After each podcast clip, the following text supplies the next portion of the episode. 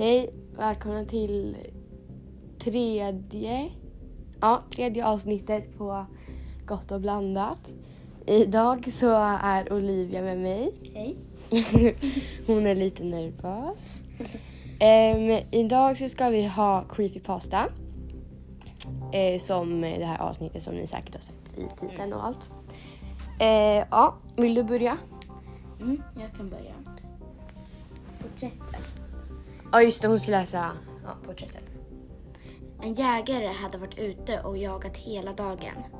Och när mörkret föll insåg han att, att, att han befann sig mitt i den djupaste skog. Mörkret föll och i rädsla för att gå vilse bestämde han sig för att till äh, För att? för att till att börja med försöka hitta ut ur den täta växtligheten. Efter att ha gått i vad som kändes som timmar blev träden färre och färre och en liten skogsdunge öppnade sig med en gammal stuga i mitten. Himlen var nästan kolsvart och jägaren bestämde sig för att knacka på och se om han kunde stanna över natten. När han kom närmare såg han att dörren stod öppen och att han- det var tomt inne i stugan. Ingen var där. Han gick in. Han såg en gammal säng och la, sig där för att Så han ska sova. bara sova där? Ja. Ett random hus. Ja. Han var dödstrött och precis på väg att somna in när han kastade en sista blick ut i stugan. Då upptäckte han att väggarna var prydda med ett, med ett stora tavlor. Så det är tavlor överallt på väggarna? Mm, det är det. Oj. Han såg inte mycket i mörkret men kunde uttyda att det föreställde bleka ansikten som såg förvirrade ut. Ondskefulla och hatiska ut. Fina tavlor. Figurerna på tavlorna stirrade alla ner mot sängen i mitten av stugan. Mot honom. Gjorde honom illa till mots. Han vände sig mot väggen, lyckades med en ansträngning att strunta i tavlorna och somnade. Han är lite konstig just nu. Ja. Han hade rusat ut. Nästa morgon vaknade han och vände sig om, blinkade i solljuset. När han tittade upp i stugan insåg han att det inte fanns några tavlor på stugans väggar, bara fönster. Åh fy fan vad läskigt. Alltså bleka monster bara stirrade han. Det där är typ så här en av mina mardrömmar. Jag blir så här, någon tittar på mig. Fast det är ingen jag. Alltså fy fan, tänk så någon skulle ställa och sig han utanför. somnade. Ja, det är sjukt. Jag hade bara gått ena vägen ut i skogen och sen bett det första huset som det var någon i om hjälp. Mm. Det är det smartaste istället för att sova. Yes. Ja. Jag ska läsa en creepypasta som heter Jag hatar när min bror Charlie måste åka iväg. Så ja, vi kör igång. Jag hatar när min bror Charlie måste åka iväg. Mina föräldrar försöker alltid förklara hur sjuk han är för mig. Att jag borde vara glad för att han, allt flyter på som det ska i min egen hjärna. När jag sen beklagar mig för att jag inte har någon lillebror att leka med så försöker de ge mig dåligt samvete genom att påpeka att Charlie förmodligen har det ännu tråkigare där han sitter isolerad på ett vårdhem. Jag brukar alltid böna och be att de ska ge honom en sista chans. Det gjorde de såklart också, i början. Charlie har varit he- hemma i många omgångar men varje gång har varit kortare än de för- den förra. För varje gång börjar allt om igen. Grannens, grannens katt hittas i hans leksakslåda eh, med sina ögon utslitna. Pappas rakblad eh, hittas fast, eh, fastkilade i rutschkanan på lekplatsen borta vid parken. Mammas vitamintabletter bryts ut mot diskmaskinstabletter. Mina föräldrar har helt enkelt fått nog av si, eh, sista chanser. De säger att hans sjukdom får honom att framstå som normal och snäll och att lura läkarna att skriva ut honom. De säger att jag helt enkelt bara får stå ut med att ha det tråkigt eftersom jag då åtminstone är trygg och skad, eh, skyddad från honom. Men jag hatar när min bror Charlie måste åka iväg. Det betyder att jag tvingas låtsas vara snäll tills han kommer tillbaks. Så äh, det är alltså den här, äh, inte Charlie utan den andra som sätter fast eh, pappas rakblad i rutschkanan på lekplatsen. Mammas vitamintabletter bryts ut mot diskmaskiner, eller dis, diskma, diskmaskinstabletter. Och eh, eh, grannens katt hittas i hans leksakslåda med sina ögon utslitna. Det måste ju vara den här bron till Charlie. Det kan ju inte vara Charlie för att han säger ju det betyder att jag, måste, att jag tvingas låtsas vara snäll tills han kommer tillbaks. Så han lägger alltså skulden på Charlie. Och låtsas som att det är Charlie. Ja. Han är sjuk. Men Charlie är sjuk. Men den andra är sjukare. För alltså, han nästan dödar en katt och drar ut ögonen. Oh, Oavsett om jag var den där sjuka personen, jag hade ändå inte ryckt ut någon, någon slags ögon. Vad äckligt. Ja. Mm. Vad ska du läsa nu då? Mannen i snön. Okej. Du sitter hemma framför TVn en sen kväll och plötsligt avbryts programmet för en extra nyhetssändning. En mördare har flytt från fängelset nära där du bor och det varnar för att vistas utomhus. Du kastar en blick mot glasdörrarna ut till terrassen och du ser i mörkret en man stå där i snön. Han passar in på beskrivningen av mördaren och ler mot dig. Du sväljer och tar upp telefonen och ringer 112. Tonerna börjar gå fram. Du sätter upp telefonen mot örat och tittar tillbaka ut genom glasdörrarna. Han har kommit mycket närmare nu. Men så märker du att det inte finns några spår i snön. Det du tittar på i glasdörren är mannens spegelbild. Nej fy fan vad läskigt. Jag fattar inte hur han har tagit sig in utan att personen inte har märkt något. Nej fy fan vad konstigt och läskigt. Han har varit hemma hela tiden. Ja. Och det står en mördare precis bakom honom. Man bara... Uh. Okej. Ska jag eh, läsa? Mm. Eller är du klar? Ja. Mm. Okej, nu ska jag prata om en historia som jag tror att väldigt många har hört och det är om Jeff the Killer. Så att, ja. Vi sätter igång och det här är en lång historia så att ni vet. Så, ja. ja. Oj, så vi kör igång. Jeff och hans familj hade precis flyttat in till ett nytt kvarter. Hans far hade fått en befordrad på jobbet och då hade han och Jeffs mor bestämt sig för att flytta in i ett lite finare kvarter. Jeff och hans bror Li Liu kunde dock inte klaga. Det var ju ett, ett nytt och bättre hus. Kunde ju aldrig slå fel. När de var underfund med att packa upp så kom en av deras grannar över. Hej, sa kvinnan. Mitt namn är Barbara. Jag bor tvärs över gatan. Jag ville mest presentera mig själv och min son. Hon vände sig om och ropade på sin son. Billy, det här är vår nya grannar. Eh, Billy hälsade och sprang sen tillbaka för att leka i trädgården. Mitt namn är Margaret och det här är min man Peter och mina två söner Jeff och Liu. Alla presenterade sig, sen så bjöd Barbara in familjen till hennes sons födelsedagskalas. Jeff och hans bror skulle precis protestera men deras mor hann före och sa att, de, att det hade varit trevligt. När Jeff, och hans mor var, eh, när Jeff och hans familj var klara med att packa upp så gick Jeff till sin mor. Mor, varför var du tvungen att tacka ja till ungens födelsedagskalas? Om du inte har märkt det så är jag ingen korkad unge. Jeff, sa hans mor. Vi har precis flyttat hit och då borde vi visa att vi vill spendera tid med våra nya grannar. Vi ska till det kalaset, vare sig du vill eller inte. Jeff skulle precis säga emot, men han stoppade sig själv. Han visste att det inte var till någon nytta så han gick till sitt nya rum och la sig i sängen. Medan han låg där och kollade upp i taket så fick han en konstig känsla. Inte så mycket smärta, men det var konstigt. Jeff skadade bara sig, eller skakade bara av sig det och gick ner igen för att hämta sina saker. Nästa dag så gick Jeff ner för att äta frukost och för att göra sig redo för skolan. Och när han satt där så fick han återigen den där känslan. Den här gången så kändes den starkare och gav honom ett ryck av smärta. Men återigen så skakade han av sig det. Efter att han och Leo hade ätit upp så började de gå ner mot busstoppet. De satte sig ner på en bänk och väntade på bussen. Då plötsligt, en grabb med skateboard hoppade över deras ben.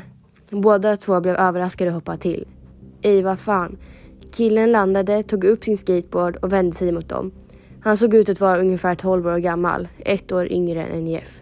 Ja, men kolla. Ser ut som att ni är nykomlingar, inte sant? Plötsligt dök det upp två andra killar. En av dem var jättesmal och den andra var stor. Eftersom ni är nya här så får jag väl presentera oss. Där borta har ni Keith. Jeff och Liu tittade bort mot den smala killen. Han hade ett väldigt konstigt ansikte. Och han där är Troy. De kollade nu på den feta killen. Han såg nu ut att vara gjord av ister. Han såg ut som att han inte hade rört på sig sedan han kröp som liten. Själv så är jag Randy, sa den första killen. Och bara så att du vet så finns det en summa som alla barn måste betala mig för att åka med bussen. Leo ställde sig upp och var beredd på att slå in huvudet på dem då Randys vän drog, kni drog kniv. Oj, jag som trodde ni skulle vara mer sam samarbetsvilliga men det ser ut som att ni vill ta detta den svåra vägen. Killen gick fram till Leo och tog hans plånbok ur fickan.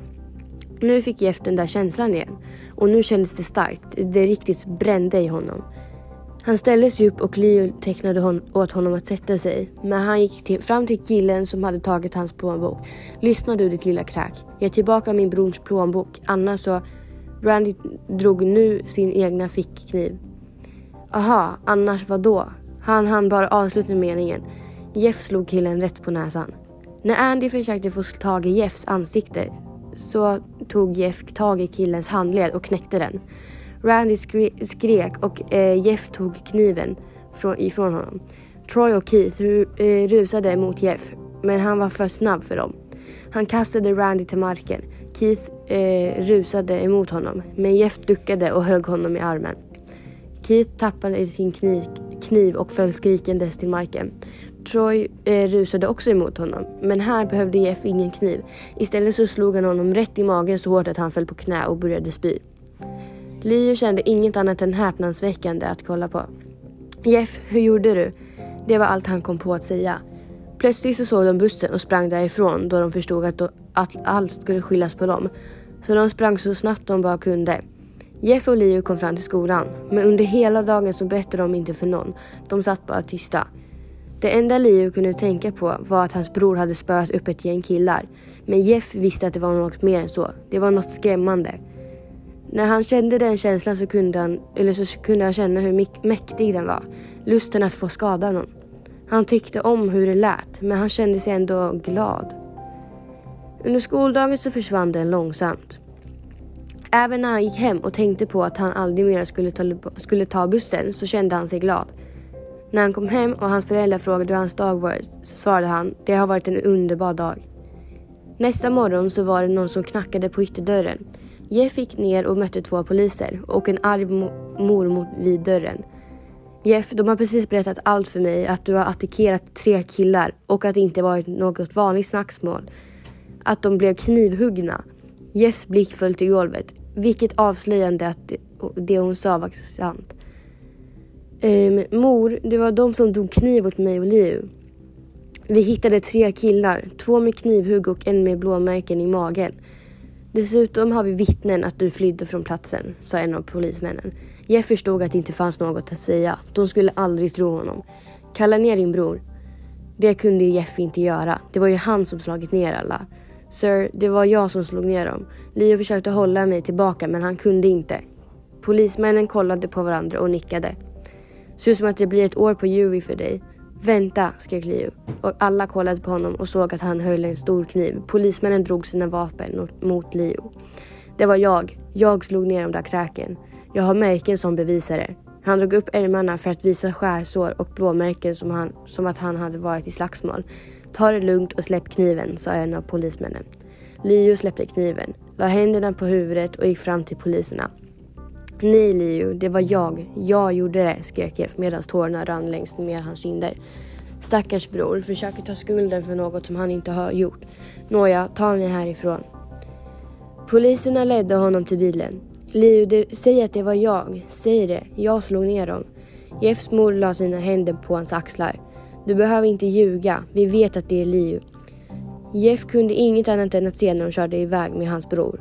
När Jeffs far hade kommit hem och få höra de tragiska nyheterna så kunde Jeff se hur ledsna, chockade och besvikna de var.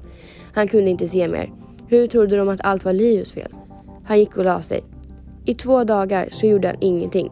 Det enda han gjorde, eller kände, var sorg och skuld. På lördagen så väckte Jeffs mor honom. Yrvaken så frågade han vad det var hon ville. Idag är Billys födelsedagskalas. Nu var Jeff fullt vaken. Tror att jag vill gå på något kalas efter. Det var en lång jobbig tystnad. Vi alla vet vad som har hänt, men detta kan kanske lysa upp tillvaron lite. Klä på er nu och möt mig och din far där nere. Han kämpade med att komma upp ur sängen och gick fram till garderoben. Han hittade ett par svarta byxor och en undertröja. Han hittade ingen att matcha med och undertröjan, med undertröjan så han drog upp eh, han drog på sig en vit luvtröja. Han gick ner och fick se sina föräldrar riktigt fin, fint uppklädda. Ska du se ut sådär? Frågade, Jeff, frågade Jeffs svar. Strunt samma, han har ändå ingen tid på sig att byta om. De korsade gatan över till Billys och Barbaras hus. När de kom in i husen så såg Jeff bara vuxna. Barnen är ute i trädgården och, och leker Jeff om du vill göra dem sällskap, sa Barbara. Jeff gick ut och såg att hela trädgården var full av barn som var utklädda i cowboykostymer och sköt varandra med plastpistoler. Ett av barnen räckte Jeff en, Jeff en pistol och bad honom att vara med. Först så ville han inte men ångrade sig och var med ändå. Han sprang runt och det var första gången han inte oroade sig för Leo. Plötsligt så hörde han något konstigt ljud. Det var Randy, Keith och Troy som hade hoppat över staket, staketet med sina skateboards. Jeff släppte plastpistolen och såg hur Randy kollade på honom med brinnande hat. Det är Jeff, eller hur? sa han. Vi har något ouppklarat att ta hand om. Jeff såg hans blåaktiga näsa. Jag spöade skiten ur er och ni fick min bror inskickad till JDC. Jag tycker det är rätt jämnt. Randy var ilskan i blicken. Jag går inte efter jämställdhet. Jag, våg, jag går efter att vinna. Du kanske spöar oss en gång, men inte idag. Andy rusade, rusade mot Jeff och hö, båda föll mot marken. Randy slog till Jeff på näsan och Jeff tog tag i hans huvud och stal, äh, skallade honom. Jeff knuffade undan honom och bad, båda kom på fötter. Nu skrek barnen och de vuxna sprang ut. Keith och Troy drog fram varsin pistol. Om någon försöker avbryta, avbryta så kommer blod att flyga. Randy drog fram en kniv och högg Jeff i axeln. Han skrek och föll på knä och Randy började genast sparka mot hans huvud. Men Jeff fick tag i hans fot och drog ner honom medan han själv sprang mot bakdörren. Men Randy fick tag i honom och än en gång så drog han ner på marken och började sparka på Jeff så att han hostade upp blod. Kom igen Jeff, slåss mot mig. Han drog upp Jeff och kastade in honom i köket. Randy får syn på en vodkaflaska och slår den i huvudet på Jeff. Slåss, nu är de i vardagsrummet. Det var jag som fick din bror inskickad till JDC och du tänker bara sitta och ta all skit medan han rutte där i ett år. Jeff börjar resa på sig. Känslan kommer tillbaks. Känslan han inte har känt på ett tag. Nu står han upp med blod och vodka över hela ansiktet. Äntligen, han är uppe.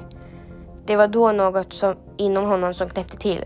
Hans psyke var förstört. Allt rationellt tänkande var borta. Det var bara en sak han kunde göra och det var att döda. Han tog tag i Randy och slängde honom hårt i golvet. Jeff står på honom och slår så hårt han kan på Randys hjärta. Slaget får hans hjärta att stanna och medan han, skip, eh, han, skip, han kippar efter luft så slår Jeff honom om och om igen. Blodet forsade ur hans kropp. Han tog ett sista andetag och dog. Alla kollar på Jeff. Det var även då han fick syn på Troy och Keith som siktade sina vapen mot honom. Jeff tog sats och sprang upp för trappan medan Troy och Keith förgäves försökte skjuta honom. Jeff kunde nu höra dem hur de följde efter honom. Knivarna var redo. Jeff drar ner en handduksräcke från, ifrån väggen och när Troy svingar kniven mot honom så slår Jeff han räcket i ansiktet. Troy är nere och nu är Keith kvar. Han var mer rörlig än vad Jeff trodde och duckade när han svingde räcket med, mot honom. Han tappade kniven och tar tag runt Jeffs hals. Han slår honom in mot väggen och ett paket blekmedel föll rätt över honom. De båda började skrika då det brände mot deras hud. Jeff försökte få bort medel mot ögonen så gott han kunde och fick tag i räcket igen. Och fick in ett bra slag mot Keiths huvud. Keith föll till golvet och medan han låg där och förblödde så gav han, sig, så gav han ifrån sig ett brett leende. Vad är, det som är, vad är det som är så lustigt? Sa, frågade Jeff. Keith drog fram en tändare och slog på den. Det lust, luktiga, lustiga är att du står täck, där täckt med blekmedel och alkohol. Jeffs ögon vid, vidgades då och såg Keith kastade tändaren mot honom. Medan alkoholen brände honom så blek, blekte medlet hans hud. Jeff skrek ut ett hemskt skrik och försökte rulla, mot, eller rulla ut händen, elden, men till ingen nytta. Alkoholen gjorde honom till ett brinnande inferno. Han sprang ner till vardagsrummet där alla drog efter andan när de fick se honom. Han föll till marken, nästan död. Och det, det sista han såg innan han svimmade var hans föräldrar och några andra vuxna som försökte släcka elden.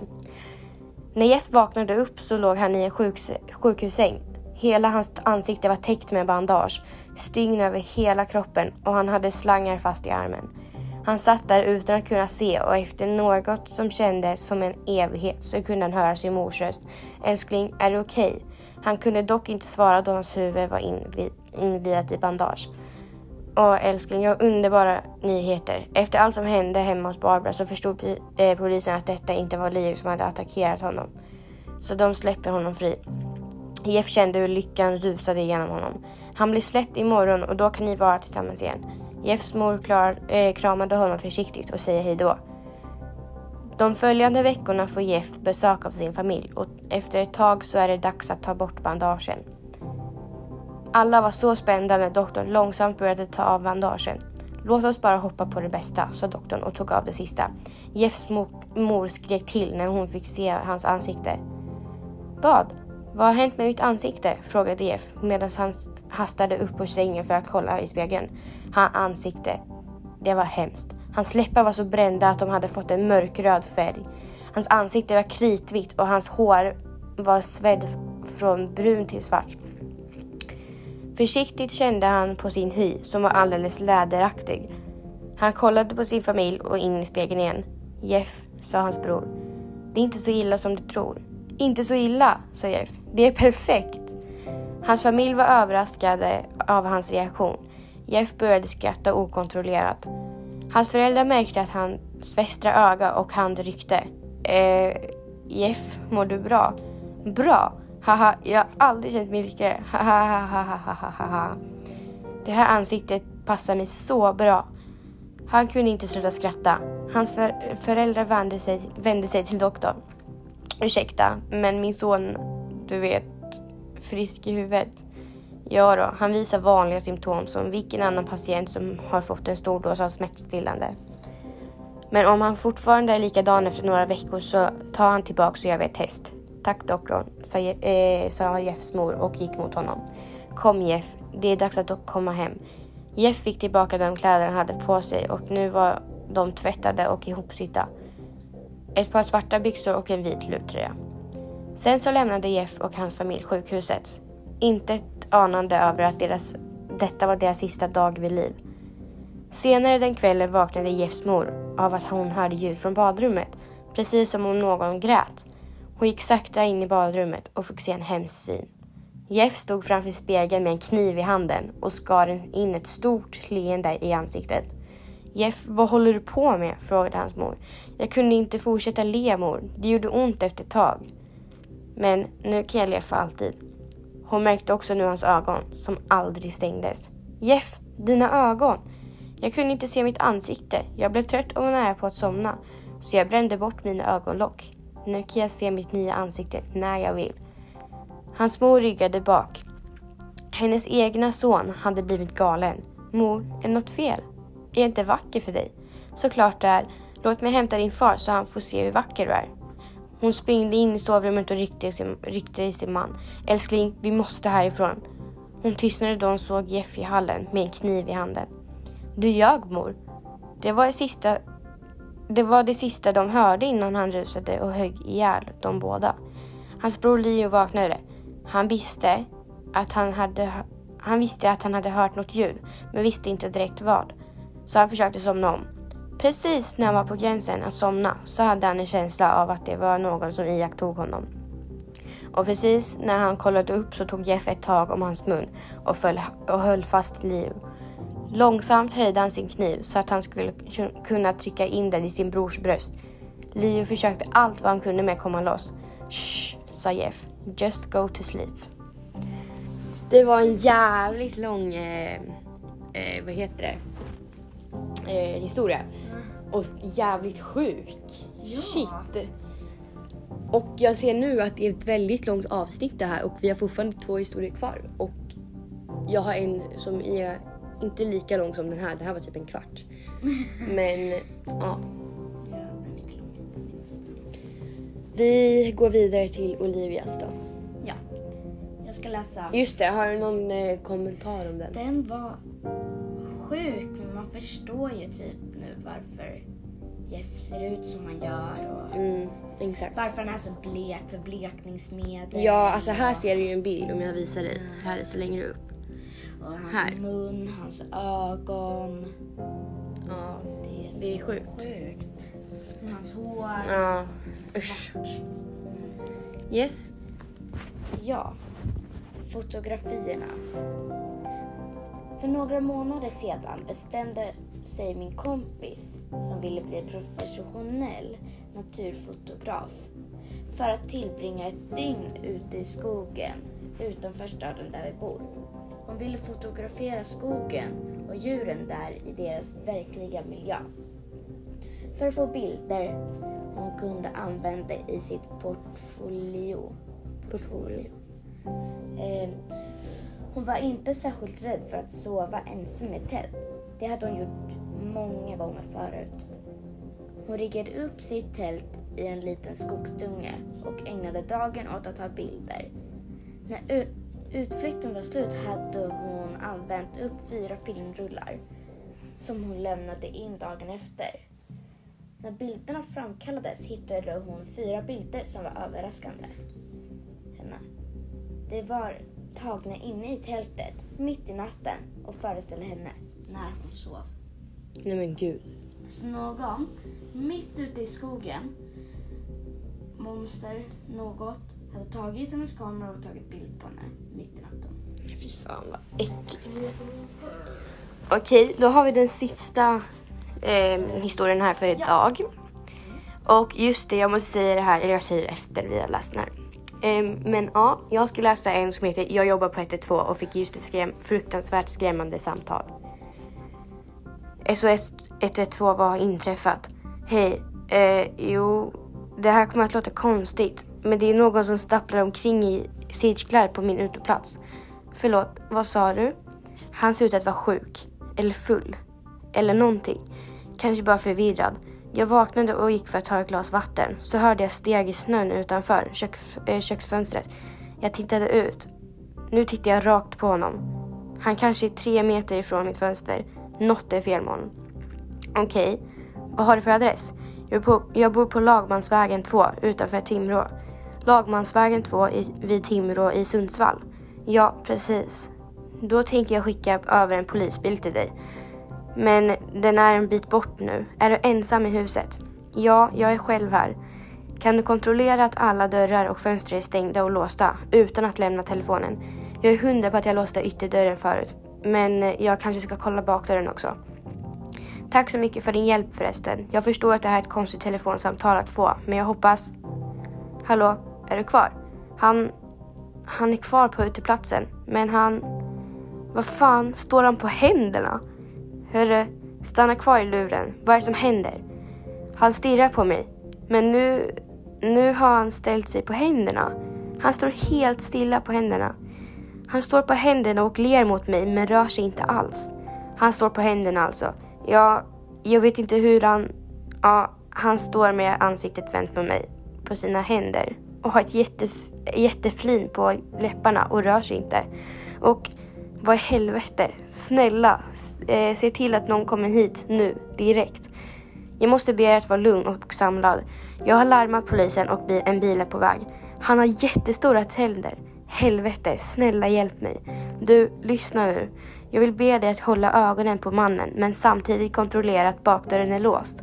Vi måste vara säkra på att alla ingångar är stängda. Kan du kolla det utan att lämna telefonen? Okej, jag går baklänges nu och har ögonen på honom. Nu har jag handen på dörrhandtaget. Den verkar låst. Jag måste kolla så låset är omvridet. Då kan jag inte titta på honom. Men det tar bara en sekund. Ja, gör det. Hjälp är på väg. Du måste bara hänga kvar i luren så kommer allt att ordna sig. Är du kvar? Hallå, är du där? Hans... Han är vid fönstret nu. Hans ansikte är precis vid fönstret. Jag måste be dig tala tydligare. Vad är det som händer? Jag tittade bort i bara en halv sekund, knappt. Och nu är han... Hans ansikte. Han har tryckt upp det mot mitt fönster. Han har jättestora tänder och ler. Men har ingen ögonfärg. Herregud, hjälp mig. Varför rör han sig inte? Okej, jag tänker be dig att gå in i närmsta rum och låsa om dig. Har du en källare eller ett badrum i närheten som du kan låsa dörren till? Han bara stirrar. Han vill göra mig illa. Lyssna på mig. Lås in dig i något annat rum tills polisen kommer. Hör du vad jag säger? Jag... Ja, jag hör. Ja, jag backar in mot ett annat rum. Jag kan låsa in mig där. Du är säker på att du är ensam hemma nu, eller hur? Ja, jag är ensam här. Vänta. Han rör sig nu. Han skakar på huvudet. Han säger nej. Han har hört oss prata. Han säger att jag inte är ensam. Hallå? Är du kvar? Hallå? Det lät som ett brak. Är du okej? Okay? Hallå? Det var historien då. Som jag har läst. 1717 jämter. Um, ja, den var också lite konstig tycker jag. Ja. Alltså. Jag tror att om man hade haft en fortsättning så tror jag att de hade sagt att mannen brutit sig in eller personen. Ja, fast hur visste den där personen, alltså mannen, att han inte var ensam hemma? Det... Ja, det var sjukt. Och det kanske också var en spegelbild. Han var inte ensam hemma, det måste också varit en spegelbild. Men han stod ju utanför på bakplatsen. Och han trycker upp sitt ansikte mot fönstret.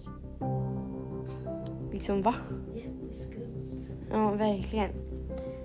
Men ja, det var i alla fall allt för det här avsnittet och vi hoppas att ni tycker att det var jättekul.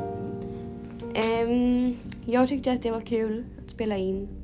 Det var spännande historier och allt sånt. Mm. Men ja, vi ses i nästa avsnitt. Hej då.